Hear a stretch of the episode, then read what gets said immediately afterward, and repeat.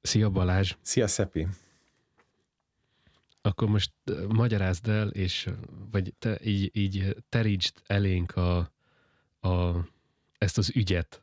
ezt az hogy, ügyet. Hogy miért, miért, ezt, miért ezt választottuk, miért erről beszélünk, és uh, stb. Mm, azért erről beszélünk, a, ami a Dua Lipa Future Nostalgia című vadi új albuma. Ahogy is gondoltam, hogy ha már a múlt epizódban belengedtünk egy albumot, ne, ne az legyen mindig, hogy beszélünk az előző részben valamiről, aztán megint tök másról beszélünk a következő részben. De hogy a, az oka főleg, hogy engem ez az album így érdekelni kezdett, az egész, hát még korábbra nyúlik vissza, mert engem elkezdett mostanában érdekelni így a zenei producerkedés, meg a különböző hangfelvételek készítése, meg hát maga főleg ez a produceri folyamat, és ennek a kapcsán elkezdtem kicsit a popzene irányába nem is tudom, hallgatózni, tehát egyre több popzenét hallgattam, nyilván kicsit inkább a saját ízlésemből kiindulva ilyen indie irányból, de aztán így a mainstream felé is mentem, bár mondjuk hát egy kicsit korlátozottabban, de azért hallgattam mainstream, mainstream pop zenéket is, és akkor ö, még korábban a Dua Lipának az első albumát is ö, meghallgatgattam, még nem is tudom, hogy mi volt az első, ö, ami, aminek a kapcsán elém került, csak tudom, hogy egy-két számot meghallgattam róla, aztán végül a teljes albumot is. Még akkor, akkor annyira nem is ö, ragadt meg bennem, tehát hogy az első album úgy teljes egészében nem fogott meg, de néhány szám az úgy egészen megtetszett, és amikor most ennek az új albumának elkezdtek a szingöljei így uh, szivárogni. Azt hiszem sorrendben azt hiszem a Future Nostalgia volt az első single, de hogy még nem is, nem is annak a kapcsán. Szerintem, szerintem a Don't Start Now volt az első. Igen? Azután volt a Future Nostalgia? De, de nem vagyok benne biztos. Ne, e, ezzel én sem vagyok képben, mert azt tudom, hogy a Don't Startnál volt az első, amire felfigyeltem, ami, uh-huh. ami nem véletlen, mert annak a zenei világa, meg a hangzás világa, az így hozzám is sokkal közelebb áll, mint hát amit ma popzenében lehet hallani, annak a nagy részénél sokkal közelebb áll. Uh-huh. És akkor azután meghallgattam Future Nostalgia-t is, én, mert én azért nem tudom, mert amikor meghallgattam a Future Nostalgia számot, akkor az, az már kim volt, szóval ez nem tudom, hogy az előtte vagy utána jötte, de azt tudom, hogy a... a fi- Most gyorsan megnéztem egyébként, és a, a Don't Start Now volt az első, Aha. majd utána jött a Future Nostalgia. Aha. Hát igen, mert azt, azt, nem, úgy, azt nem úgy láttam már, hogy, hogy jön, hanem már azt is úgy hallgattam meg, hogy már kijött. Viszont a physical azt már úgy kvázi vártam is, hogy, hogy uh-huh. annak a bejelentése előtt már, már így képben voltam. Na mindegy, és engem, nekem az érdeklődésemet marhára felkeltette ez a három dal, mert nagyjából a, az lehetett tudni már, hogy az albumnak is ez lesz a címe, hogy Future Nostalgia, és az egésznek a hangzás világára is ez a jellemző, hogy hát főleg ilyen 80-es, 90-es, 2000-es évek popzenéihez közelít, nagyon sok ö, élő hangszert használ, és ö, tényleg azok mellé simán betehető, de mégis olyan számokról van szó, amik abszolút a mai ízlésnek is megfelelnek. Tehát, hogy ha egy rád, a rádióban meghallod ezeket a dalokat, akkor ö, egyáltalán nem az jut eszedbe, hogy ezek mondjuk idejét múltak lennének, vagy, vagy ma már nem ehhez vagy hozzászokva, hanem egy olyan, olyan dalokról van szó, amik tényleg a, azokat a régi elemeket használják, amiket azok a régi dalok is, viszont teljesen a mai fül számára, meg a teljesen a mai pop zenének a ö, hát úgymond feltételeinek megfelel. És, ö, és hát nekem amikor nemrég megjelent ez az album, nekem ez a várakozásaimat ez teljesen így be is váltotta, tehát gyakorlatilag annak a három dal, tehát azt a színvonalat, amit ez a három dal megalapozott, nekem ez az album így teljes egészében hozta. Nagyjából. Igen, ezt, ezzel, ezzel én is így voltam, hogy e, igazából semmi meglepő nem volt az albumon, meg semmi, semmi olyasmi, semmi, mondjuk ha ha negatív oldalról nézem, akkor azt is mondhatom, hogy semmi borzasztó nagy újítás sem volt rajta, de igazából nem is vártuk ezt. Sőt, sőt pont ez, amit említettél, hogy már az egész lemeznek az a címe, hogy Future Nostalgia, az pont, hogy talán kicsit elébe is próbál menni azoknak a potenciális kritikáknak, hogy, hogy végül is ő most csak leutánozza a, a, a diszkó korszakot, és, és ennyi az egész, amit csinál, vagy, vagy próbál valamit hozzáadni. Mert végül is, persze, hogy most ez nem egy feldolgozás lemez, meg semmi ilyesmi, de, de, de ha valaki csak egy az egybe hozza azt, ami egyszer sikeres volt, és most úgy tűnik, hogy megint népszerű lehet, ami ráadásul a 80-as évek az most, az most egyébként is nagyon megy, nem csak zenébe, hanem sorozatokba és filmekbe és, és egyéb, egyéb más dolgokba is azzal szerintem, hogy ez a cím a lemeznek, hogy Future Nostalgia, ezzel, ezzel ő azt mondja, hogy oké, okay, srácok, tudom, hogy ez az egész egy ilyen diszkó dolog, de ez a diszkó dolog jó volt, kicsit hozzuk vissza, kicsit játszunk vele, és kész. Szóval valószínűleg szerintem azt is, azt is tudják pontosan, hogy most ez, ez nem lesz egy korszakalkotó lemez, ez, ez nem lesz valami, ami átírja a zene történelmét, és mostantól kezdve már, már minden más lesz, hanem ez egy, ez egy ilyen borzasztó jól kivitelezett, ügyesen összerakott, olyan lemez, ami, ami talán egyébként kicsit úgy tudnék jellemezni, ahogy, ahogy saját magát degradálva mondta állítólag Freddie Mercury azt, hogy a, az a zene, amit ő csinál, és amit a Queen csinál, az olyan, mint a, mint a papír zsebkendő, hogy az ember használja, akkor nagyon jó, majd eldobja és, és kész. De abban a pillanatban az a, az a legfontosabb dolog neki, mert akkor épp kell az a zsebkendő, hogy hát kell az a zsebkendő, és, és egy kicsit ilyen érzésem volt ezzel is. Meg persze ez olyan szempontból nem rossz dolog, hogy egyébként meg Freddie Mercury-nak nem volt igaza, mert egyébként a, a Queen az, az most is igazából baromi népszerű, sőt, talán most még népszerűbb, mint mondjuk 5-10 évvel ezelőtt. És, Szóval, szóval ennél, ennél sokkal erősebb mondjuk a Queen. Persze nem mondom, hogy Dua is pont ezt fogja, de hogy az, azzal egyetértek, hogy ez egy olyan lemez, ami egyébként most jókor, jó időben, jó helyen ja. jött ki, és, és szinte borítékolható, hogy sikeres lesz, és már az is. Szóval, hogy ez így, ez így működik, és ez így jó, nem akar nagyon sokat, nem újít rengeteget, de, de jó, hogy van.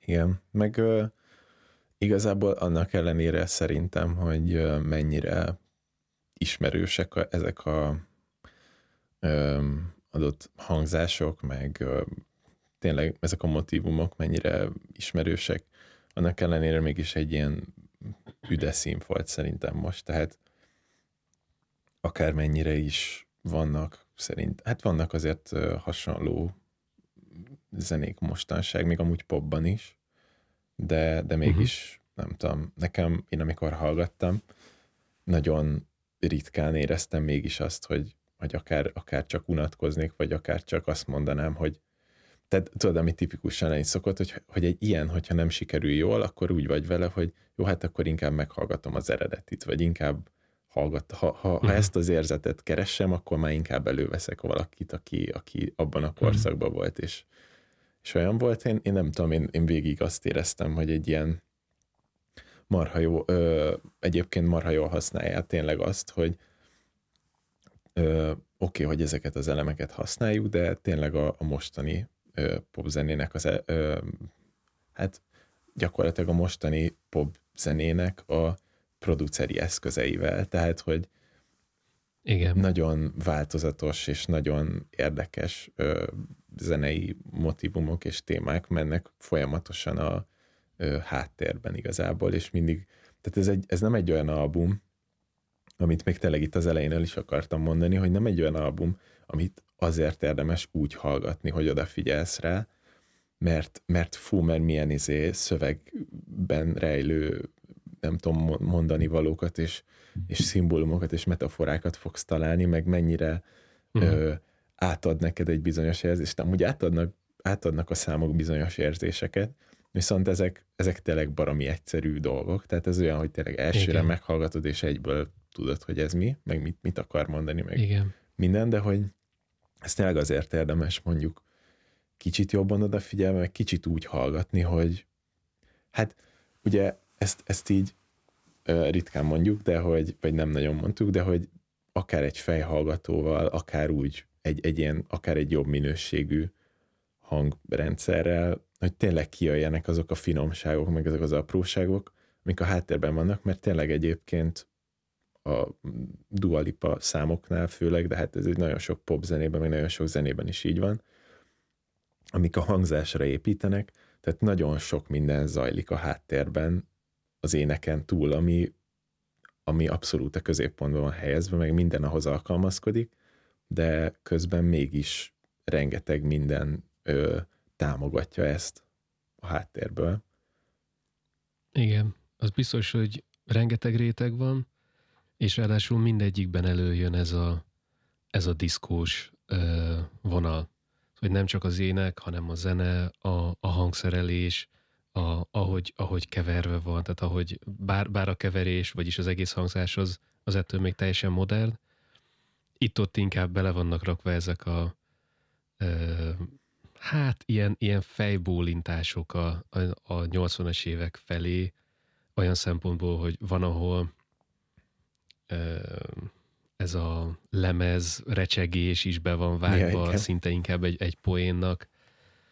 A hangzások azok, azok, azok egyértelműen. De igen, én, én azt is leírtam magamnak, hogy, hogy ugyan kicsit az is a, az ársz, árszpoetikánk itt, hogy, hogy az ember üljön le, és, és tegye fel a fejhallgatót, és merüljön bele egy lemezbe, ez ennél nehéz, mert egyébként meg ez egy, ez egy, ez egy annyira pop és annyira ilyen tánc lemez, hogy, hogy, hogy ez, ezt leülni, nyugodtan hallgatni azért nehéz, mert az ember mozogni fog rá mindenféleképpen.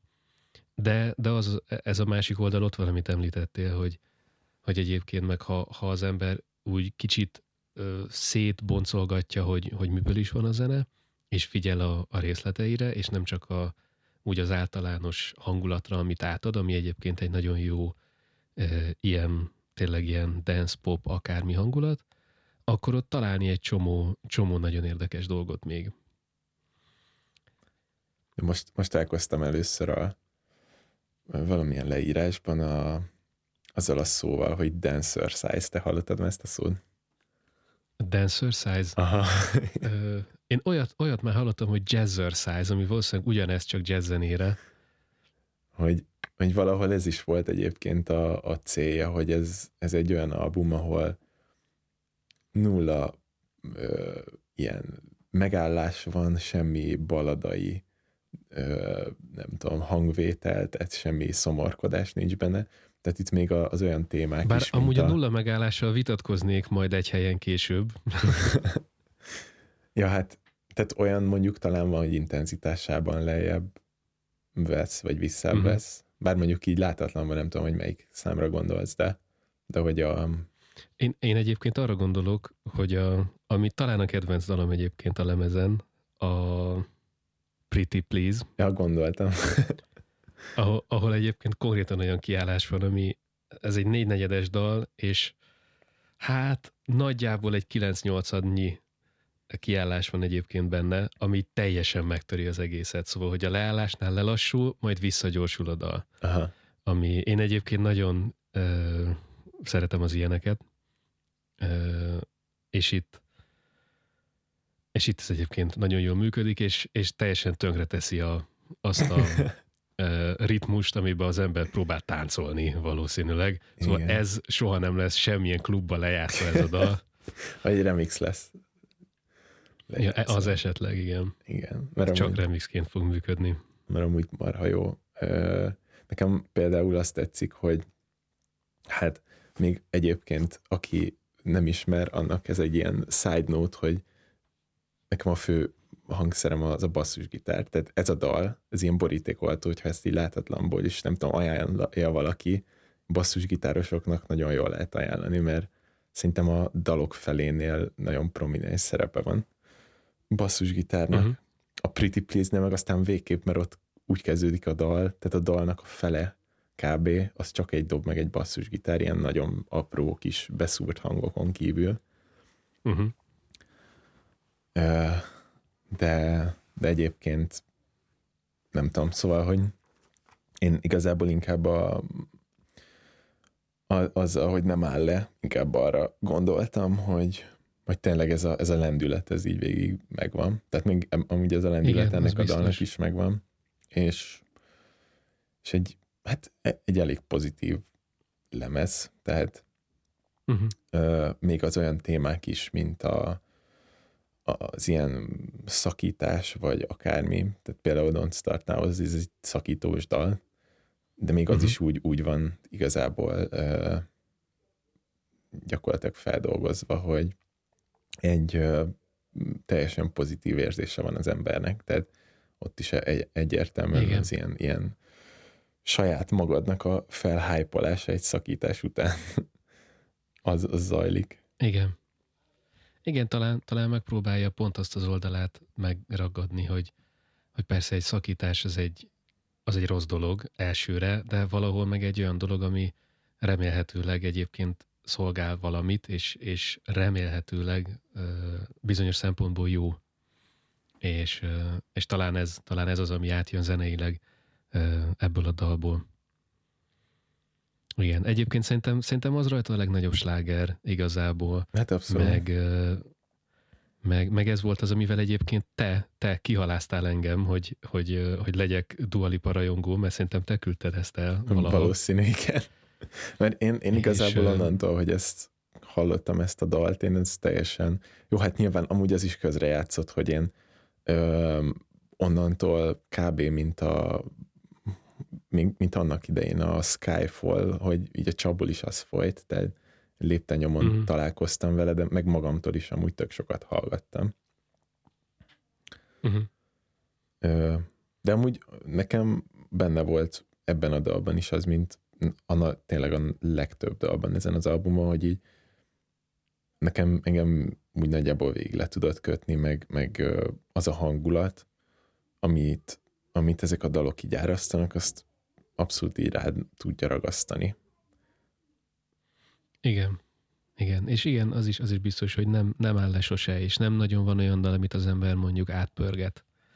Van, ami nem akkora sláger, vagy annyira nem fogja meg az ember, de, de úgy nagyjából minden hozza azt a szintet, hogy, hogy, hogy ott hozzá, hozzá tapasztja a fülethez a fejhallgatót, és hallgatni akarod tovább.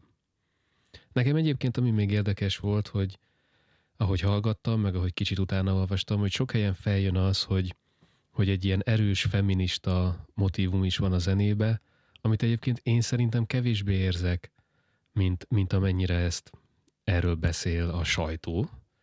A, kivéve persze az utolsó dal, ami egy egyértelműen egy, egy, egy, egy, ilyen, ilyen dal. Egyébként szerintem kifejezetten jól megcsinálva, mert ez egy olyan érzékeny téma, meg erről olyan nehéz valószínűleg dalt írni, hogy, hogy, hogy hasznos legyen, vagy inkább azt mondom, hogy, hogy könnyebb olyan dalt írni, hogy az ember elmondja, hogy mennyi baj van, meg mi a baj, meg ez rossz, meg ezen kéne változtatni, ami persze, persze hogy így van, de közben ez, ez ilyen visszás tud lenni egy dalban, és, és így biztos ennél a dalnál is lesz olyan, hogyha az ember oda merészkedik a YouTube komment szekcióba, akkor majd biztos van, aki írja, hogy ah, hát ilyet nem, és ez izé, és ez a nők megint, meg megint a nők mondanak valamit. Szóval biztos, hogy meg lesznek ezek az emberek ezzel kapcsolatban. De egyébként szerintem a dal olyan lett, hogy, hogy az egyébként ügyesen felhívja a figyelmet valamire, nem, nem agresszívan, de határozottan, szóval szóval én azt érzem, hogy ez, ez még egy ilyen hasznos dal is lehet, és nem csak el fog tűnni, hogy ez valami ilyen feminista dal, és ne foglalkozzunk vele, vagy foglalkozzunk vele, vagy akármi, hanem, hanem ez egy ö, olyan be, befogadóan kezeli szerintem a közönséget, és nem, nem elidegenítően, mert, mert hogy vannak azok az emberek, akiknek szerintem könnyen elidegenítő egy, egy akármennyire is feminista dal. Uh-huh. Meg persze megvan, hogy egy feminista dal csak annyi, hogy, hogy girl power és, és kész, és az meg, az meg megint nem biztos, hogy, hogy annyira sok mindent jelent, az inkább egy olyan, egy olyan jogos és érthető dűkitörés tud lenni, ami szintén jó és szintén szükség van rá, Ennél ez egy kicsit szerintem nyugodtabb és, és átgondoltabb dal, és, de, de minden esetre egyébként el, elgondolkodtató, és, és nem, nem visszás egyáltalán. Hát már csak... De ez, ez csak azért mondom, hogy egyszerűen szerintem nagyon-nagyon nehéz olyan feminista dalt írni, ami, ami tényleg jó és hasznos, és igen, jó és, jó és hasznos. Hát már csak azért is lehet elgondolkodtató szerintem, mert ezt a dalt, ami a, a hát ugye hangzott, hogy az utolsó, de ez a Boys Will Be Boys, ez a uh-huh. nem, is, nem is kifejezetten egy olyan dal, amit mondtál, hogy ami általában lenni szokott, hogy girl power, és csak ennyiről szól az egész, uh-huh. hanem itt kifejezetten arról van szó, hogy ő arra próbálta felhívni, vagy próbálja ezzel felhívni a figyelmet, hogy ez nem csak a tehát nem csak, nem csak a felnőtt nők szemszögét mutatja be, hanem ez kifejezetten arról szól, hogy ez gyakorlatilag gyerekkorban a gyerekek, uh-huh. ahogy felnőnek, amilyen közegben felnőnek, annak a következménye az, hogy hogyan viselkednek majd később, és hogy uh-huh. igazából az, hogy te milyen környezetet teremtesz, vagy hogy felnőttként hogyan nevelsz fel egy kislányt, vagy egy kisfiút, az szerepet játszik abban, hogy majd a világ később milyen szemléletű emberekkel lesz tele, és hogy hogyan kezelik majd ezt az egész Igen. dolgot. Ami, Igen. ami szerintem már, már, csak azért, már csak ezért is nem egy átlagos nézőpont szerintem ilyen témában. Uh-huh. Igen. Úgyhogy... És ez jó dal, ez is Igen. igazából is eléggé fülbemászó, de hát majdnem mindegyik dal nagyon fülbemászó.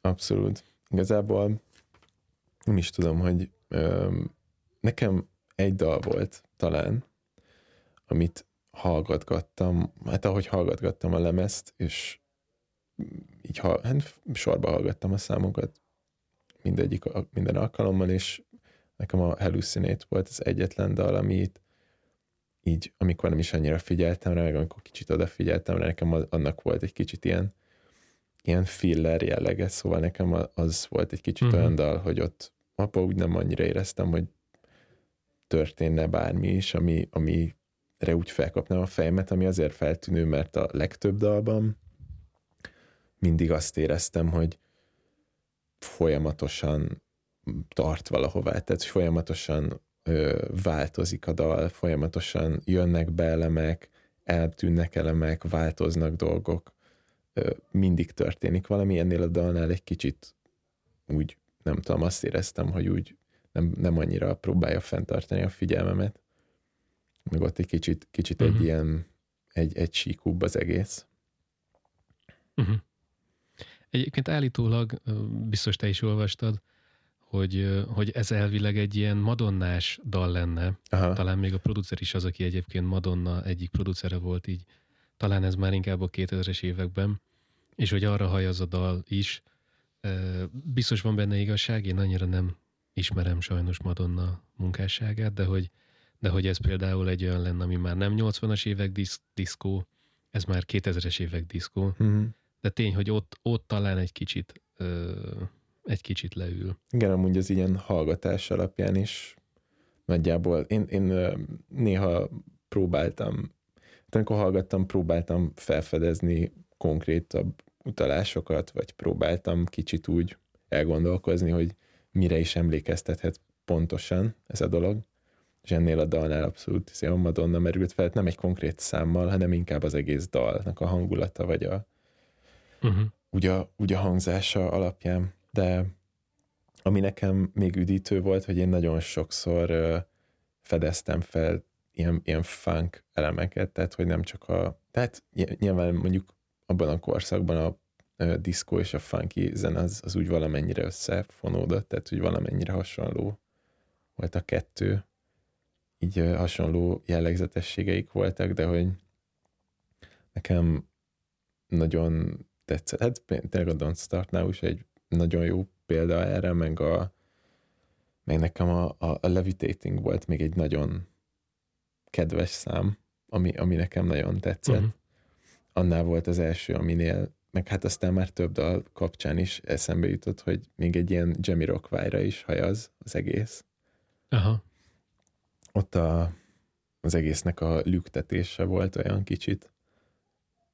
Meg, uh-huh. hát aztán ezt későbbi számoknál is, meg aztán és olvastam interjút is, és abban is az egyik referenciának, vagy hát ilyen inspirációnak említi a Jamiroquai-t is. Uh-huh. Igen, ha már, ha már ilyen, ilyen olyan inspiráció, meg, meg főhajtás mások előtt, akkor nem lehet elmenni amellett egyébként, hogy, hogy itt van ez a, a harmadik kislemez, a Physical, ami, ami meg teljesen egyértelműen utal az Olivia Newton-John ugyanilyen című, Physical című dalára, ami, ami viszont 80 valahány,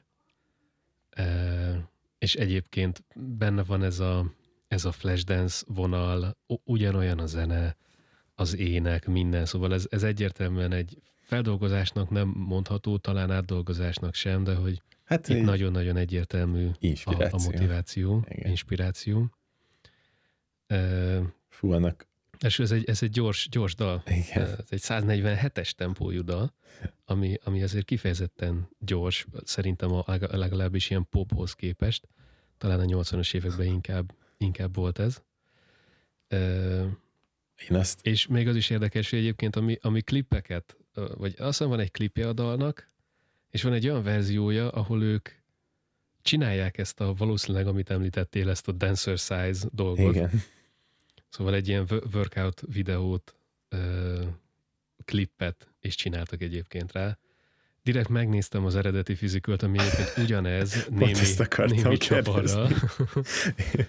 Igen, Pont ott, is, ott is ugyanúgy megvan. Aki nem látta azt a klipet, ezt mindenképp meg kell nézni, mert az, az egy, tehát ez a Igen. Olivia Newton-John physical klip annyira egy, egy szürreális, tehát Igen. konkrétan egy, egy ilyen, szinte egy ilyen 80-as évek paródia is lehetne kicsit az a klip. Igen, mert, igen. Mert ilyen, pedig hát ők akkor csinálták, hát pedig akkor csinálták, évek. igen. szóval nagyon, nagyon fura volt, de tényleg olyan dolgok vannak benne, meg olyan ö, túlzásba vitt dolgokat csinálnak ott abban a klipben, tehát ott a, tényleg alapul úgy kezdődik, hogy ilyen nagyon kövér emberekkel edz az elején. És aztán azok a végén így átváltoznak, de hogy, tehát amiket művelnek közvetett, az, az már szinte, a, hogy mondjam, nagyon-nagyon nehéz elképzelni, hogy ez nem direkt ilyen parodisztikus igen, ez, ez érdekes. Hát igazából egyikünk se nagyon élt a 80-as években, ahogy egyébként Dua Lipa sem. Szóval, hogy, hogy ezt, ezt mi nem is tudjuk, hogy ez most, ez most mennyire volt ott poén, vagy mennyire volt ez, ez, ez tényleg vajon? Valószínűleg a, a kettő között van a válasz, de, de az biztos, hogy élmény, élmény megnézni ezt a, ezt a klipet. Igen. Ez mindenképp, mert főleg azért, mert szerintem ilyet, nem tudom, én még biztos nem láttam. Főleg nem egy ilyen 80-as évekbeli kliptől. Igen. Ö, beszéltünk erről a ö, nem, nem arról. De a, a Pretty Please-ről. Igen. Ami, ami az egyetlen dal, ami egy, vagy hát, hát szerintem talán, talán két olyan dal van, ami kilóg a lemezről. Ez, a Pretty Please, meg ez a, az előbb említett utolsó dal, a Boys Will Boys Be Boys. boys. A, a, a Pretty Please egyébként nekem sok, sok szempontból tetszett. Azért is tetszett egyébként, hogy ez a, ez a dal úgy kezdődik, hogy Somewhere in the middle, I think I lied a little. És, és egyébként ez a dal, nem tudom, hogy direkte, de ez pont a közepén van a lemeznek, és úgy kezdődik, hogy, hogy valahol a közepén, és nekem ez egy annyira aranyos ö, ilyen utalás volt saját magára, hogy ez, hogy ez nekem nagyon, nagyon megtetszett. Meg még talán egy kicsit az is benne van, hogy ez a dal más. És, és ebből van ez a nekem nagyon tetsző kiállás, ahol lelassul az egész zene. Meg ez egy olyan dal, ahol viszont már egy kicsit eltávolodunk a, a dance vonaltól, és egyébként egy sokkal hip-hoposabb vonal jön be. És, és ez az, ahol például az eddig domináló, ilyen teljesen feszes, egyszerű diszkó dobalapok helyett egy ilyen csúsztatott, kicsit old school hip vagy, vagy most, most már ezt inkább, inkább úgy mondanánk, hogy egy ilyen neo szólos, mert, mert most már az, a, az az a stílus, ahol, ahol ezek a zenei csúsztatások vannak, hogy nem, nem ott nem oda rakjuk a hangokat, ahova illenének a, a hangok, hanem egy kicsit előrébb vagy mögébb, amit, amit azonnal érezni egyébként, még hogyha az ember nem is tudatosan látja, vagy hallja azt, hogy, hogy mi hol van, de, de nem véletlen, hogy, hogy egy ugyanolyan mondjuk 90-es tempójú rock dal, meg egy 90-es tempójú uh, old school J. Dilla uh, beat, lehet, hogy ha, ha az ember lekottázza, akkor az ugyanaz, de ahogy ezek el vannak játszva, az viszont már egy teljesen más élményt kölcsönöz a dalnak, és itt ez nagyon jól megjelenik a Pretty Please-nél, ahol, ahol csúsztatva van például a dob, és leül, és, és érezni azonnal ezt a, ezt a hip-hop érzést benne, és, és ehhez meg pláne egyébként jól illik még ez a, ez a furcsa kiállás is, mert, mert itt van ennek helye. Tehát ezt, ezt a kiállást, a, a, ami, ami hosszabb, mint maga az ütem, de csak egy, egy fél negyeddel, azt másik dalba nem csinálhatta volna meg, szerintem. Szóval, hogyha ezt, ezt belerakja a, a Don't Start Now-ba, akkor ott, ott, ott összeborul a e, táncparket, de ebbe viszont, viszont nagyon jól Igen. Kijött. Szóval ez nekem ez, ez nekem nagyon jó, jó volt, és tetszett, és pont e, ügyesen, hát talán a, a sok diszkó dal közé berak egy ilyen kis e, hátradőlt pihenést igazából. Uh, attól függetlenül, hogy egyébként meg a, a dal arról szól, elvileg, ahogy ha, ha jól értem, hogy, hogy az ember egy kapcsolat elején egyébként mindenki egy, egy lazább oldalát mutatja, aztán a közepe felé, vagy hát közepe, rossz azt mondani, hogy ez a kapcsolat közepe, de hogy később pedig, pedig mindenkinek egyértelmű, hogy senki se olyan laza, mint ahogy először tűnik. És, és hát erről, erről szól, a, szól a dal, hogy ez, ez, ez van egyszerűen. Igen, meg hát tényleg ez, ez lehet az a dal, ahol ezt el tudod játszani, mert itt abszolút a ritmus szekció, meg tényleg ez az egész lüktetés van az előtérben, tehát itt itt még amik később bejönnek, azok is gyakorlatilag erre ülnek fel, tehát a, szóval a vonósok is, amikor elkezdenek játszani, azok is uh-huh. teljesen azzal együtt lüktet. Tehát ott, ott is egy ilyen ö, gyakorlatilag egy ilyen vonós téma is jön be, uh-huh. ami teljesen követi ennek az egésznek a ritmusát. Igen, igen. Amire egyébként még valószínűleg érdemes szintén visszakanyarodni, ez a Lavögem, Aha. amiről te küldted át nekem, hogy egyébként ez egy e, elég meghatározó benne egy, egy, egy sample, amit ők átvettek. Igen. Amit, amit ráadásul so, sokat szor vették át, igen, vagy, igen. vagy ennek te lehet jobban tudod a sztoriát. Hát én, én csak annyit ö, láttam, hogy ugye volt egy ö, dal, amit sokan bekommenteltek alá, egyébként én onnan láttam, vagy hát nem is sokan, én azt hiszem, mert, mert az volt, hogy így nézegettem a kommenteket, és aztán egyszer megtaláltam ezt, viszont amikor másodjára akartam megtalálni, akkor tök sokat kellett görgetnem. Úgyhogy ez lehet, hogy tök sokat nézegettem a kommenteket, amikor megtaláltam ezt, de hogy ez uh, mi is volt, azt hiszem a White Town Your Woman volt az, az a dal. A White, White Town a, És, az előadó, akit én nem ismertem, Én egyébként, se. de ez egy ember. Igen. És ez egy, ez egy 90-es évekbeli dal, ami használja ezt a szempelt, viszont amikor ö, láttam, vagy hát nézegettem a, az albumnak a kreditjeit ö, Wikipédián, ott viszont láttam, hogy ez egy sokkal korábbi sample, tehát hogy már abban a dalban is egy uh-huh. használták, pedig egy ilyen 30-as évekbeli ö, Igen, dalból. igen, így, így van. Ez az 1932-es Lou Stone and the mm, valami. Ezt nem tudom, ezt a, akár angol, akár francia szót kiejteni.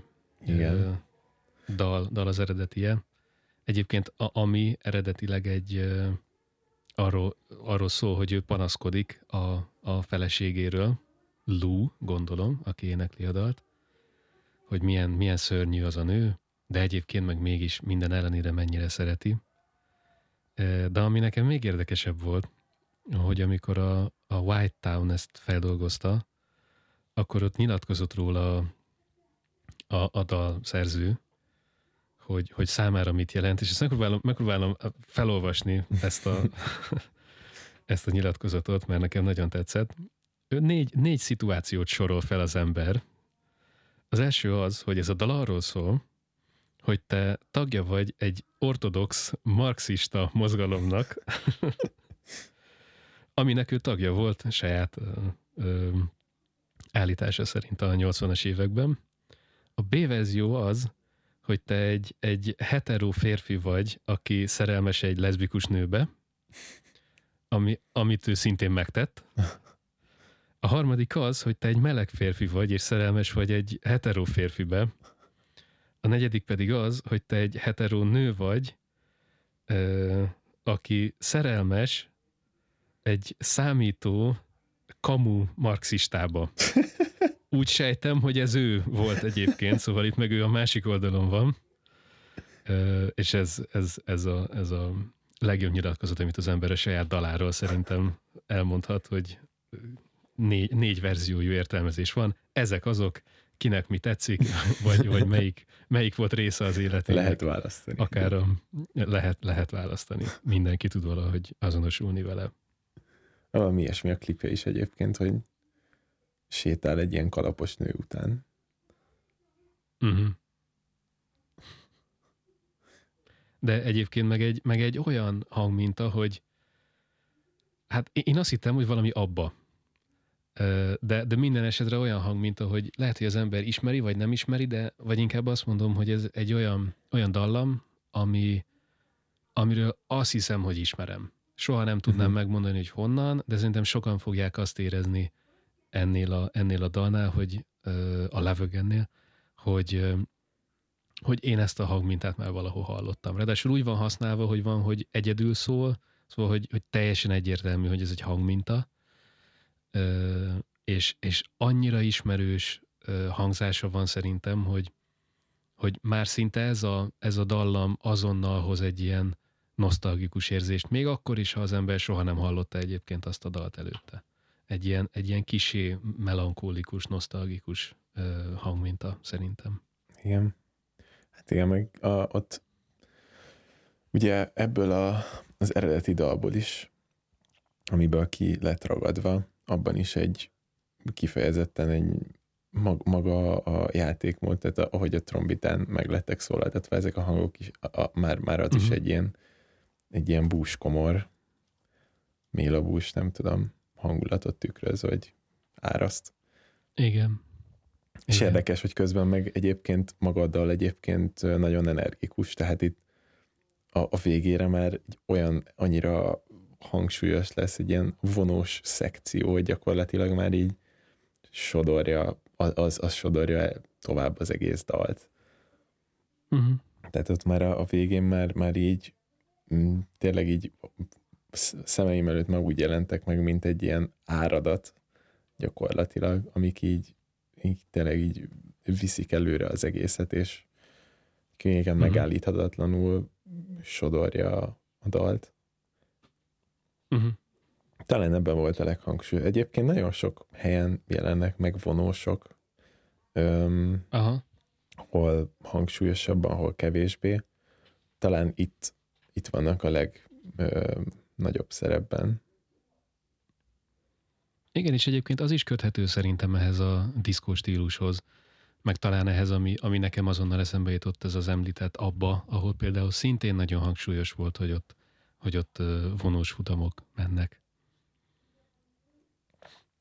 Igen. Ami, ami egyébként, miközben iszol, ami egyébként még nekem, nekem egy érdekes dolog volt, hogy sokszor, mint ahogy említettem, hogy sokszor említik ezt, a, ezt az ilyen erős feminista vonalat, ami, ami szerintem inkább nem is annyira feminista, hanem inkább egy ilyen individualista uh-huh. valami, hogy arról beszél, hogy, vagy inkább azt próbálja átadni, hogy ő egyébként egy, egy erős, független nő, és ő is képes dolgokra, és sikerre, és ezt sokszor, főleg talán a Don't Start Now-ba is az van, hogy ő, ő erős, és hogy ő, vagy talán, talán az pont még a, még a Future Nostalgiában van, hogy ő, hogy ő ezeket, a, a, amit ő elér, meg az ő sikere az egyébként saját magának köszönhető, és, és hogy ezt ő önerőből eléri, és, és ez, egy, ez, egy, ez egy jó dolog, és ez valóban egy jó dolog, de közben meg nem tudom elfelejteni azt, hogy ha az ember elolvassa ennek a lemeznek a, a hátoldalát, hogy kik dolgoztak rajta, ezen száz ember dolgozott ezen a lemezen. Szóval, hogy, hogy az, azt értem, hogy amit, amit ő megél, meg amit ő átad ö, tartalmilag a dalokban, az tényleg, ö, meg, meg az, hogy ő, ő ide jutott, szóval, hogy ő, az, az teljesen, teljesen igaz, hogy ő, az, hogy ő ide jutott, azt ő valószínűleg elérte valahogy magától, de hogy most, hogy már itt van, most már százan vannak mögötte, akik egyébként írják és hangszerelik, és, uh-huh. és játszák ezeket a dalokat, többek között a, majd még lehet említjük később, Chad Smith, aki a, a Red Hot Chili Peppers dobosa, eh, dobol az egyik dalon igazából, a Break My Heartom, akinek egyébként ez állítólag mostanában kedvenc hobbija, hogy különböző ilyen popdalokon dobol egy kicsit, valószínűleg ez neki egy órás munka. Vagy hát, ha, ha három és fél perces egy dal, az Chad Smithnek három és fél perc munka.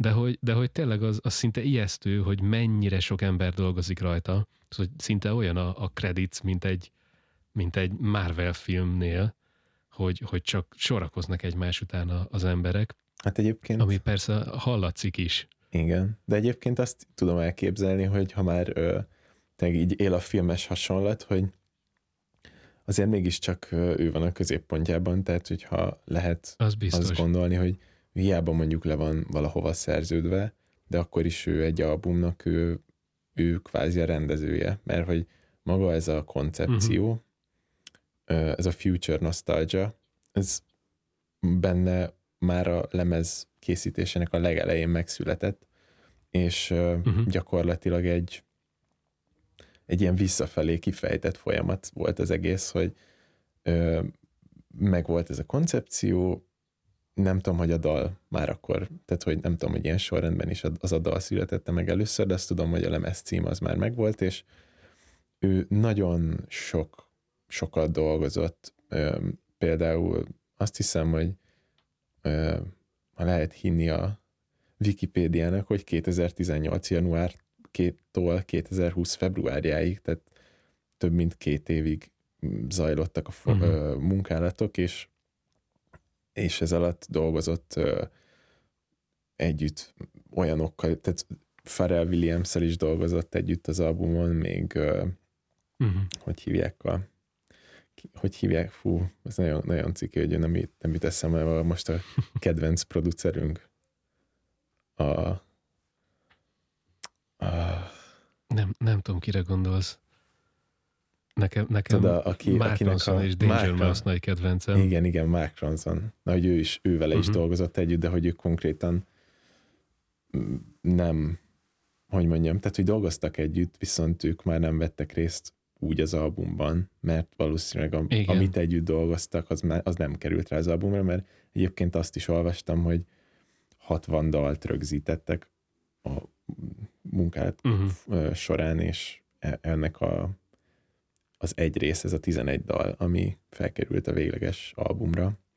Ami egyébként marha érdekes, mert ö, ugye itt, itt ö, be, benne van, meg megvannak ezek a források, hogy itt valószínűleg tényleg úgy zajlik egy, egy albumfelvétel, hogy ők bemennek, és a lemezt kb. a stúdióban írják meg, tehát lehet, hogy a dalokat nem, de uh-huh. magát a hangszerelést, meg mindent szinte már egyből az albumra rögzítik olyan minőségben, uh-huh.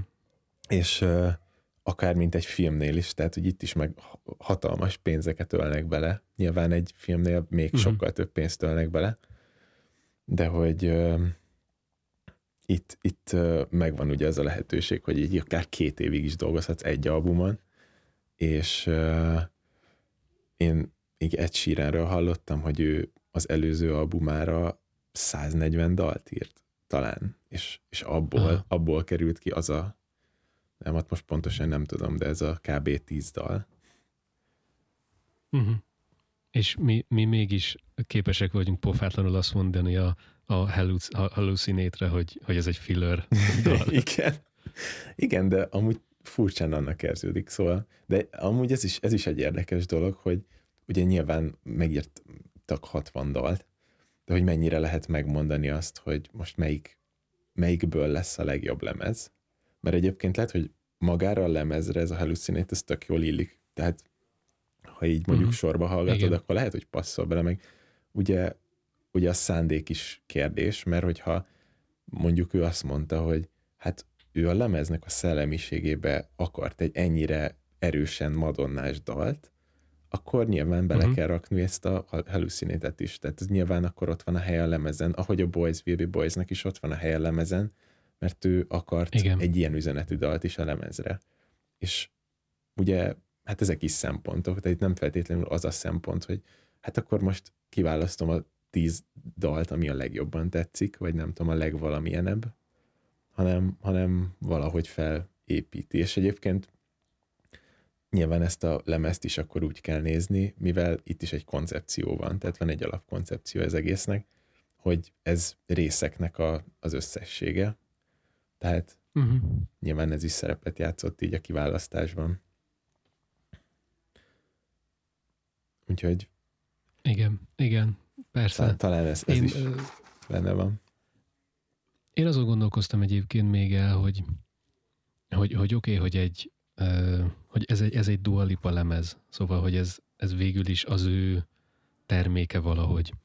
És, és mennyire változik meg az, hogy, hogy neki van valami mondani valója egy lemezzel, és közben ott van ez a, ez a száz ember, aki dolgozik rajta, és ezt a száz embert ki is kell fizetni. Igen. Szóval, hogy közben oké, okay, hogy ez egy nagyon-nagyon régi kérdés, hogy, hogy, hogy mi is ez a popipar, és hogy ez hogy működik, és hogy mennyire, mennyire őszinte ez az egész, és mennyire tud az ember úgy olyan döntéseket hozni egy lemeznél, ami kifejezi azt, amit ő szeretne, de közben ö, a, a, a minden producer és mindenki, akinek ebbe pénze van, az is örüljön neki.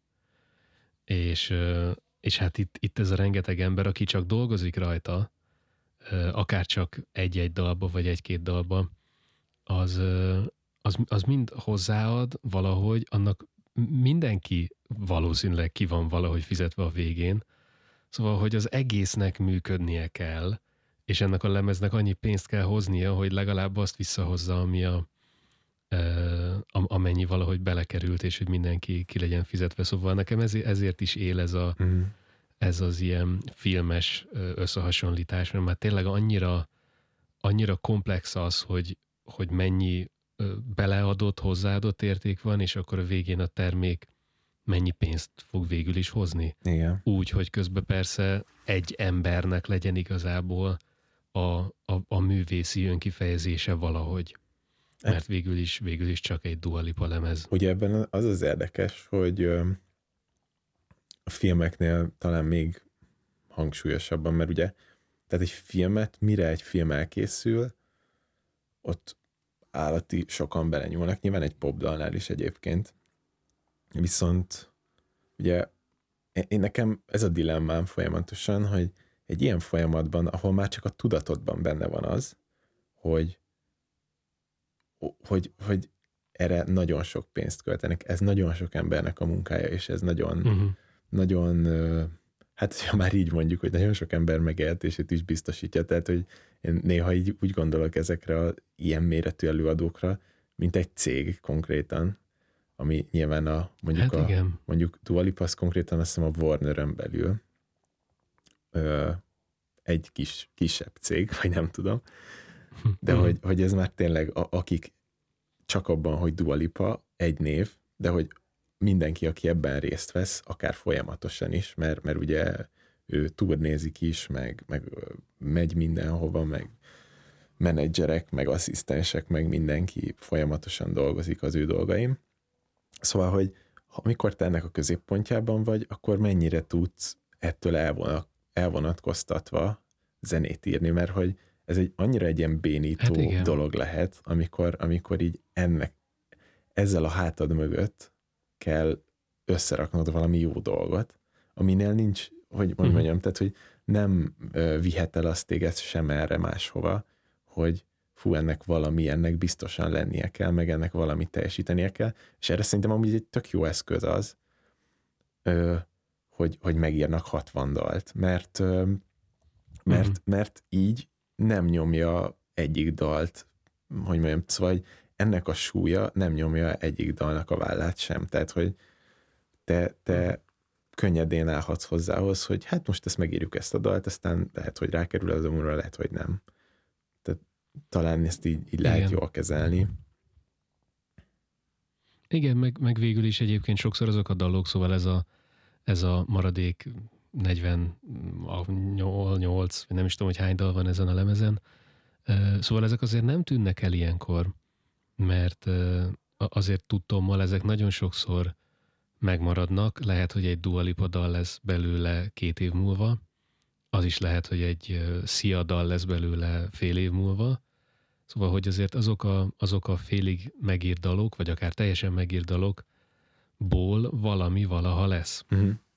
Hát, mint a izés előző példa is, a Ed Sheeran, az egy ilyen nagy kedvenc példám, hogy Ed Sheerannek a, nem tudom, a Love Yourself című dala az nem került be a, a Ed Sheeran lemezére, a tracklistjére, viszont aztán egy Justin Bieber sláger lett belőle, ami baromi népszerű volt uh-huh. utána. Közben uh-huh. mégse került fel lemezre, de hát lehet, hogy tényleg ott is ez volt, hogy nem, nem azért nem került fel, mert nem volt elég jó, hanem mert nem illett annyira arra a lemezre. Igen, igen, pontosan. És amúgy, ja igen, hát igazából ez is benne volt, hogy most nyilván Dualipa, Dualipának azért is van egy nagyon jó szerepe, vagy egy nagyon jó helyzete, inkább úgy mondom, mert um, ő róla azt lehet tudni, hogy őt úgy fedezte fel a Warner, hogy ö, ők szerettek volna egy, hát egy pop divát maguknak igazából, tehát, hogy ők, mint zenei, uh-huh. zenei kiadó, ők erre a szerepre kifejezetten kerestek valakit, amit aztán ő töltött be, aki, aki tényleg arra szántak, hogy ilyen Rihannával, meg Lady Gagával, meg nem tudom, kikkel versenyezzen, vagy, vagy hát, hogy így melléjük be lehessen állítani, úgymond. Uh-huh. És hát valószínűleg amúgy ezért is neki aztán most kiemeltem fontos szerepe van ebben, és valószínűleg ö, nagyon előzékenyek, ilyen források tekintetében meg, hogy, meg, hogy ő, ő megkapja azt, amire szüksége van ahhoz, hogy egy minél sikeresebb előadó legyen. Uh-huh. Hát igen, mert ő egy ilyen aranytojás tojó tyúk lehet végül is. Igen. De és meg, valószínűleg az is. Meg egyébként ez a, ugye ez a feminizmus szerűség, ami az albumból sugárzik, az tényleg, ez, meg, ami inkább talán individualizmus, tehát ez tényleg neki ez egy nagyon fontos eszköze, tehát hogy, uh-huh. kifejezetten ezért is ezért is fedezték úgymond fel, vagy hát ez, e, ez, ez volt egy ilyen nagy erő ennél.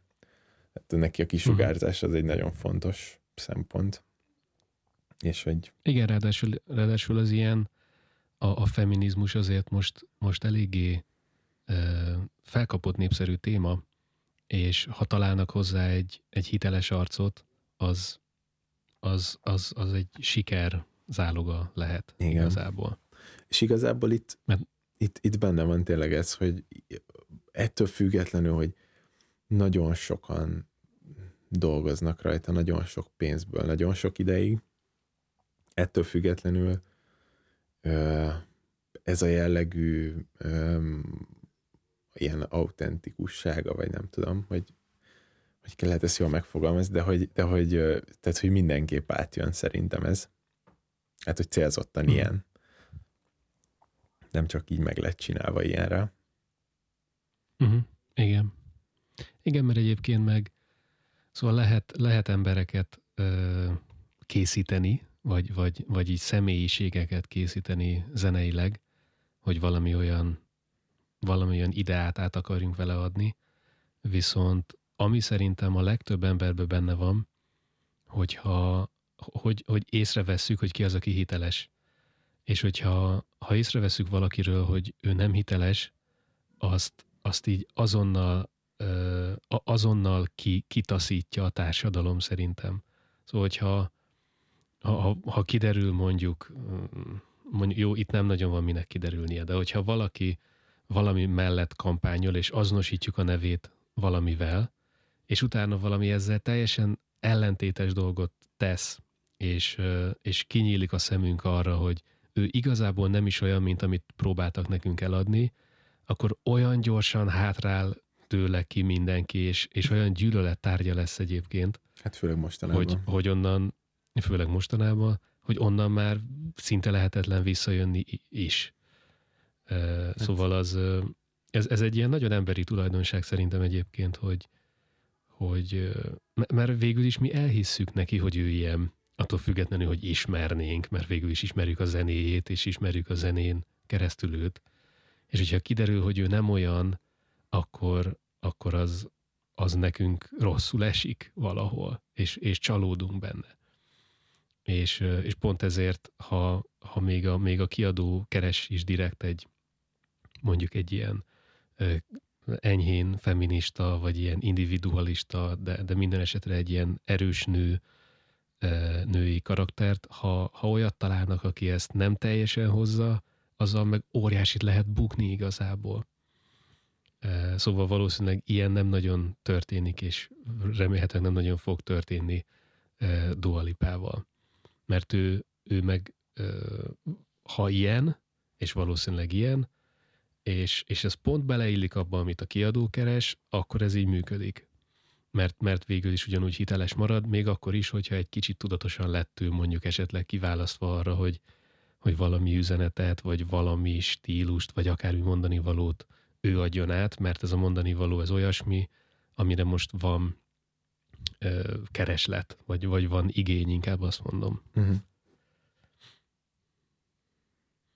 Ami, amit még ha már Mark Ronson szóba került, akinek mostanában egyébként őt érdemes követni szerintem, mert kicsit ilyen zenei, történelmi videókat készít mostanában, és felhívja a figyelmeket egyébként figyelmet olyanokra, akik például nemrég hunytak el zenészek, akár ismert, akár nem ismert, vagy, vagy leginkább olyan zenészekre hívja fel a figyelmet, akik ugyan nem ismertek, viszont a háttérben egyébként nagy hatásuk volt a zenére, és, és pont most ezt tette ezt ő véletlenül egybeesve a mi uh, Dua Lipa lemezünkkel, hogy, hogy most hunyt el egy Von Mason nevű producer, aki, aki inkább egy ilyen hangmérnökként kezdte, csak szeretett volna producer lenni. És, és arról mesél egyébként Mark ebbe, ami szerintem nagyon-nagyon jól ideillik, hogy, hogy van ez az említett Break My Heart című dal erről az albumról, Amin Chad Smith dobol, ami, ha valaki meghallgatja, és hát mindenki tegyen így, akkor nagyon könnyen eszébe juthat róla megint a Queen, ami már szintén említve volt, mégpedig a Queennek a, a, az Another One Bites the Dust Aha. című dala, aminek a basszus témája egyébként majdnem ugyanez. De hogy egyértelműen az a basszus stílus jön ki belőle, amit egyébként mindenki azonnal fel fog ismerni, aki ennek tudatába hallgatja meg a dalt. És, és kicsit erről is szól egyébként, amiről, amiről Mark Ronson is beszél, hogy, hogy volt egy, egy dal 79-ben, a Chic nevű zenekar, ami valószínűleg egy ilyen egyszámos ö, zenekar Good volt. Times. A Good Times című dala, amit szintén egyébként valószínűleg mindenki ismer, csak a nevét nem. És ö, ami egy, egy, egy a, a, a diszkó diszkója volt valószínűleg, a 70-es évek vége diszkója volt. Ö, és egy évre rá, vagy hát következő évben, de ki tudja, hogy mennyi idővel később jött ki egyébként az Another One Bites the Dust, ami egyébként úgy jött létre, hogy a, a Queen basszusgitárosa, John Deacon egyébként ott volt a stúdió felvételeinél ennek a Good Times-nak, szóval ő hallotta azt a basszus témát, amit majdnem egy az egybe átemelt az Another, Bites, Another One Bites the Dust-ba, és ezeknek a, a, a kombinált sikerén felbuzdulva a, a félig hangmérnök, félig producer Von Mason írt egy saját dalt, aminek, aminek ki kellett keresnem a címét, de lehet, hogy nem írtam le. Bounce Rock Skate Roll. ez a címe a dalnak, és ez is ezt a basszus témát hozza, ami ugyanúgy, majdnem ugyanaz, amit később, vagy hát most hozza a Break My Heart is. Szóval nagyon jó, vagy hát érdekes látni azt, ahogy ezek a dalok milyen hatással vannak egymásra, meg nem is csak a dalok, hanem az a basszus téma, ami van benne, és hogy szinte egy basszus téma egy, egy korszakot meg tud egyébként határozni. Igen. És, és valószínűleg Dualipa is szinte szinte meg se tehette azt, hogy ne csináljon egy olyan dalt, hogyha ő egy diszkós lemez csinál, amiben amibe nem jön elő ez a dallam, amit, amit igen, érdemes meghallgatni, és mindenki azonnal igen. felfog, és mondja, hogy ó, igen, én ezt már hallottam. Legalább, legalább egy olyan dalt hallottál, ami ezt másolta. Igen, igen. Amúgy ebben a dalban volt még, azt nem tudom, végül meghallgatta, de van egy, egy, egy ilyen plugot szeretnék itt elhelyezni, van egy kedvenc podcastem, vagy podcastünk, a Switch Don't Pop című, aminek leg, legutóbb volt egy D'Angelo-s epizódja, a Voodoo című albummal foglalkozott, és ami, ami, ami, amit abban a podcastben emlegettek, a Chicken Grease, azt, azt meghallgattad mm. végül? Nekem az az egyik kedvenc lemezem, ami, ami létezik. A podcastot nem hallgattam még meg, de a lemezt azt már ezerszer. És hát ugye az, az abban, a, azon a lemezen van egy, azt hiszem a dalnak is ez a cím, hogy Chicken Grease, nem? Van egy, igen, igen. Hogy, hogy abban van, és, és akkor ott el, elmondják, hogy ott, ott abban a podcastben csináltak egy interjút, hát részben, de igazából arról a könyvről is beszélnek, hogy volt egy nő, aki írt egy könyvet ennek a Voodoo című lemeznek a születéséről, és hogy, uh-huh. tehát, hogy a Chicken Grease az, az egy, ez egy ilyen zenei fogalom igazából, ami, aminek ugye az a lényege, ami azt hiszem, hogy D'Angelo Prince-től ö, inspirálódott, uh-huh. de hogy ő meg, a, a, ugye, ugye ennek a basszus témának a nyomán lehet, hogy ő meg megint mástól inspirálódott, tehát hogy ez ilyen vége, vége értetlen uh-huh. lánc de a chicken grease az maga az egy, az egy ilyen, ilyen technika, azt, amit a, itt a gitárnál hoztak fel. Ez a, ez a sikálásszerű, ami például a uh-huh. Prince-nek a Kiss című dala, ami talán a legismertebb, az konkrétan ami, uh-huh. amivel kezdődik. Azt hívták Chicken Grease-nek, és a, a, abban a D'Angelo számon is, amikor így mondja, hogy nem tudom, give me some chicken grease, vagy valami ilyesmi, elhangzik, akkor uh-huh. ott, mhm. ott egyből elkezdi a gitár ezt a témát hozni, hát ez a Break My Heart, ez így szarásig van ezzel a Chicken Grease-szel végig. Aha. Aha. És, Igen. És ez is, tehát ugye ez is egy ilyen uh, motivum, ami, ami mint a basszus téma is, tehát egy ilyen végtelen rengeteg dalokon átívelő motivum, amit, amit mindenki kicsit használt. Igen, mert ezek valószínűleg hozzák egymást, szóval, hogyha ha az ember egy ilyen basszus témát hoz, akkor azonnal jön, hogy, hogy mit fog rájátszani egy gitáros. Mert mindannyiunk fel, fejében benne van ez a több évtizednyi uh, pop és szól és akármi zenei uh, hangzás, és, és szinte várjuk, hogy ez történjen, hogy ha, ha meghallunk mondjuk egy olyan basszus témát, ami, ami ez a csik féle akkor, akkor már kívánja a fülünk, ami ezt a, ezt a chicken valószínűleg, amit említesz. Igen. Jobban csúszson. Jobban csúszson, igen. Amit még talán érdemes, vagy hát még egy fél mondatban leírtam magamnak, hogy a, van ez a good in bad, ami egy szerintem borzasztó szóvic egyébként, de, de, de ez, ez kinek, kinek hogy? Fú, ez csak most, ez most BED. Fú. Igen.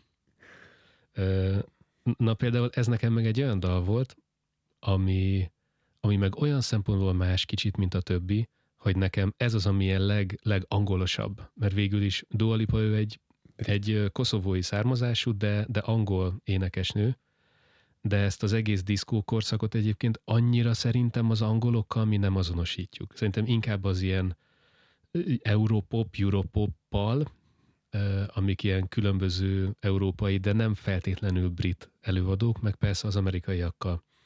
És viszont nekem ez a Good in Bad, ez egy kifejezetten ilyen Lili ellenes dal volt, egy ilyen 90-es, 2000-es évek szerű, ilyen, ilyen játékos, de közben meg erős, e, e, ez is ilyen enyhe feminista beütéssel.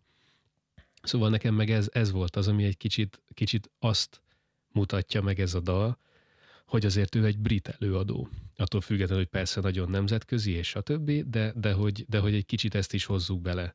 Mert például Lily Ellen meg egy kifejezetten ilyen, ez, ez a brit pop, vagy hát nem brit pop, mert az is más, de hogy ezt a brit stílust hozza, ezt a kicsit hip-hopos, meg grime, vagy nem is tudom, hogy mik mm-hmm. ezek a, a stílusok.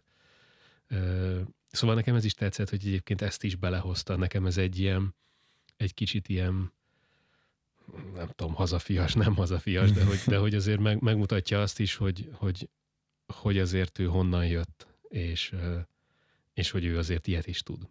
Igen.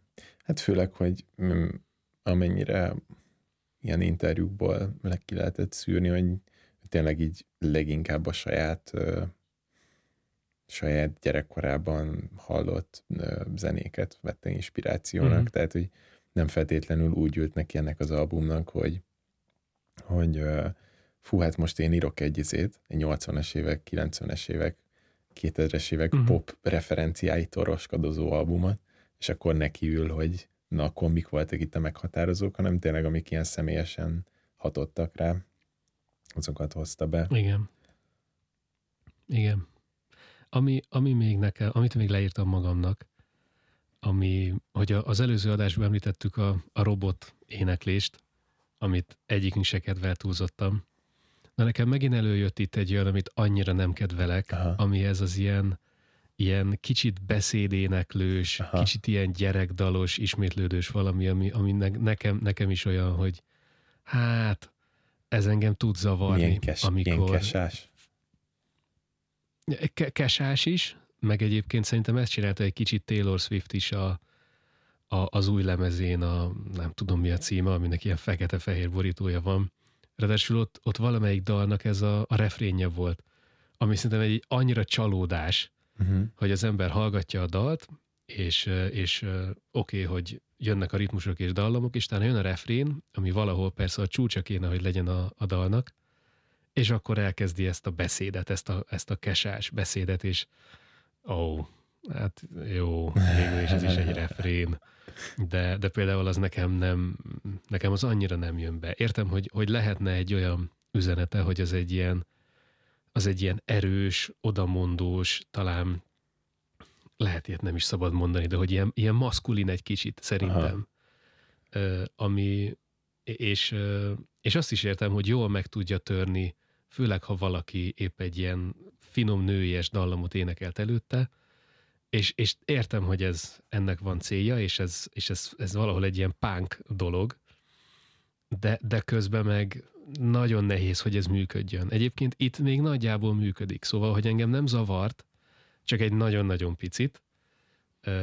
Taylor Swiftnél amúgy sokkal jobban zavart, Kesánál még jobban zavart, de mondjuk Kesát nem, nem is ismerem annyira, szóval Kesának, ez csak az ilyen slágereiből. Néhány, néhány dalát szeretem, de valószínűleg inkább a slágereit. Uh-huh. Igen, de, de, de itt is előjön ez néha, ami ilyen, hát igen, ez az ilyen, jó, egyrészt ez a beszéd, des dolog, meg, meg a másik ez az ilyen gyerek, mint egy ilyen mondóka szerű éneklés, és talán pont, a, pont ez a Good in bad van ilyen, de nem, nem vagyok benne biztos. Az is olyan, hogy hát azt szerintem veszélyes. Olyan szempontból jó, hogy persze a gyerekmondókák azok baromira fülbemászóak, mert ez a lényegük, hogy fülbemászóak legyenek, szóval ez is azt tud lenni, de közben meg mindenki egy popslágernél egy gyerekdalt ö, énekel, az meg, az meg valahogy egy ilyen furcsa érzés mm. ö, mhm. nekem. Ö, Főleg egy még egy dolgot leírtam, semmihez semmi köze nincs. Igen? Ja, igen, igen, hogy annál, annál jön elő. Ami, sose hallottam azt a kifejezést, hogy middle eight. Te ezt ismerted? Middle eight? Middle eight. Nem. Ami a bridge. És én ezt nem tudtam, Mit hogy a eight, mert ezt, ezt sokszor lát, a, a bridge, tehát, egy átkötő rész, Aha. ami általában van valahol. De ezt hogy írják? Valamelyik. Úgyhogy middle 8. Middle 8, ennyi? Middle 8. Uh, oh. Mert hogy ezt többször olvastam egyébként, ahogy a, a, a szövegeket olvasgattam igazából, és ott voltak uh, olyanok, hogy, hogy maga Dua Lipa, amit mondott a, a, a dalról, és, és ez nagyon sokszor előjött, hogy ilyen a middle eight, meg olyan, és fogalmam sem volt, hogy ez mit jelent, és rá kellett keresnem, de megtanultam, és most már, most már ketten megtanultuk, hogy ez, hogy ez ennyit jelent, ez a bridge. Azért middle eight, mert hogy valahol a dal közepe körül szokott lenni, és azért nyolc, mert hogy nyolc kör, általában nyolc, nyolc, nyolc kör, nyolc ütem, igen. Ez marha szóval jó. Tanul, ma, ma, ma még tanítottunk is valamit, vagy tanul, tanultunk is valamit. Életemben nem hallottam még én se erről. És ez biztos valami olyan, nem tudom, londoni slang, hogy hát meg ilyen... lehet, hogy most, most nagyon menők leszünk valami londoni partiban, ahova, ahova, ahova úgyse tudunk elmenni. Hát igen. Amikor így elemezgeted a dalokat. Ja. Igen, Érdekes. de ezután mindenhol ezt fogom használni, és majd hát, ha valaki rákérdez, és akkor mondom, hogy ó, te nem ismered, hogy mi az a middle eight? Hát jó, akkor elmagyarázom. és ettől Ez annyira, annyira menő és snob leszek. Ez ilyen, ilyen party knowledge, vagy nem tudom. Igen, igen. És ettől már is úgy érzem, hogy mi most egy belsőbb körbe vagyunk benne. Te is, meg én is, Abszolút. meg akik ezt esetleg hallgatják, most mi, most mi bentebb vagyunk. Kíváncsi vagyok egyébként, hogy hány olyan van ilyen kifejezés, amit, amit használnak mondjuk így a mindennapok során, akár olyan dolgokra. Egyébként tök érdekes, Igen. mert ez pont egy olyan, amire amúgy hát ezt mi, mi is használunk egy más szót igazából. Igen. Hm. Egyébként rengeteg olyan zenei kifejezés van, sőt, ami ilyen hangzásbeli kifejezés, mert hát Azt annyira nehéz, nehéz kifejezni, hogy milyen Igen. egy hangzás. És vannak olyanok, amik, amik lehet, hogy nekünk már nagyjából egyértelműek. Ha én azt mondom egy szintetizátor hangzásra, hogy a szőrös, azt te érted? Igen. De, de valószínűleg sokan nem. Igen. Majd egyszer, a, majd a századik adás, vagy a nem tudom, 77. adás az arról fog szólni, hogy milyen olyan zenei kifejezések vannak, amit csak azok értenek, akik, akik vala, valamiért foglalkoznak ezzel. Igen. És mely, hány olyan kifejezés lehet, amit csak így nem tudom, megszületett, mert hát még nem volt rá semmi. Hát igen, mert nincs, nem vagyunk annál ügyesebbek, mint hogy valami hülye hasonlatot, vagy valami olyan érzést próbáljunk átadni egy hangzással, amit egyébként úgyse tudunk szavakkal kifejezni. Igen. Ja. Na de a lényeg az, hogy, eh, hogy szóval, hogy persze ez is egy olyan lemez, amit érdemes hátradőlni és érdemes meghallgatni, vagy talán felrakni a, felrakni a fejhallgatót, bekapcsolni valami diszkófényt, és egyedül mindenki táncolhat a szobájában rá, mert, mert rengeteg élményt ad. Olyan nosztalgikus élményt is olyanoknak, mint mi, akik egyébként egyáltalán nem éltünk, a, vagy hát nem sokat a, a 80-as években. De van egy, van egy érzésünk de, róla. De hallottuk a Sláger rádióban, vagy valahol. Ha, igen, meg, meg úgyis hozzánk valamikor 94-ben érkezhetett el a 80 Úgyhogy teljesen időben vagyunk, hogy erről beszéljünk. Igen, igen. szóval szerintem egyébként ez, ez egy olyan lemez, aki, ami mindenkinek tud valami élményt nyújtani. Bár engem az is érdekelne, hogy egyébként mit, mit gondol rajta az, aki élt a 80-as évekbe, és, és esetleg mondjuk tini volt, mert végül is valljuk be valahol egy kicsit mindig a tinik a, a célközönségei ja, a hát popzenének. Igen. Hát a, a leglelkesebb e... rajongók bárminek. Igen, meg akik még rajongók, rajongani tudnak. Igen. Igen. Szóval biztos, biztos jó, jó ezt olyannal is meghallgattatni ezt a lemezt, aki, aki, aki élte a 80-as éveket aktívan, de aki nem, az is látta a Stranger Things, és, és valamit gondol arról, hogy milyen lehetett a 80-as évek, vagy, a vagy, vagy milyen az a... Igen, igen. É, szóval, hogy szerintem ebben a lemezben nagyon nem lehet csalódni.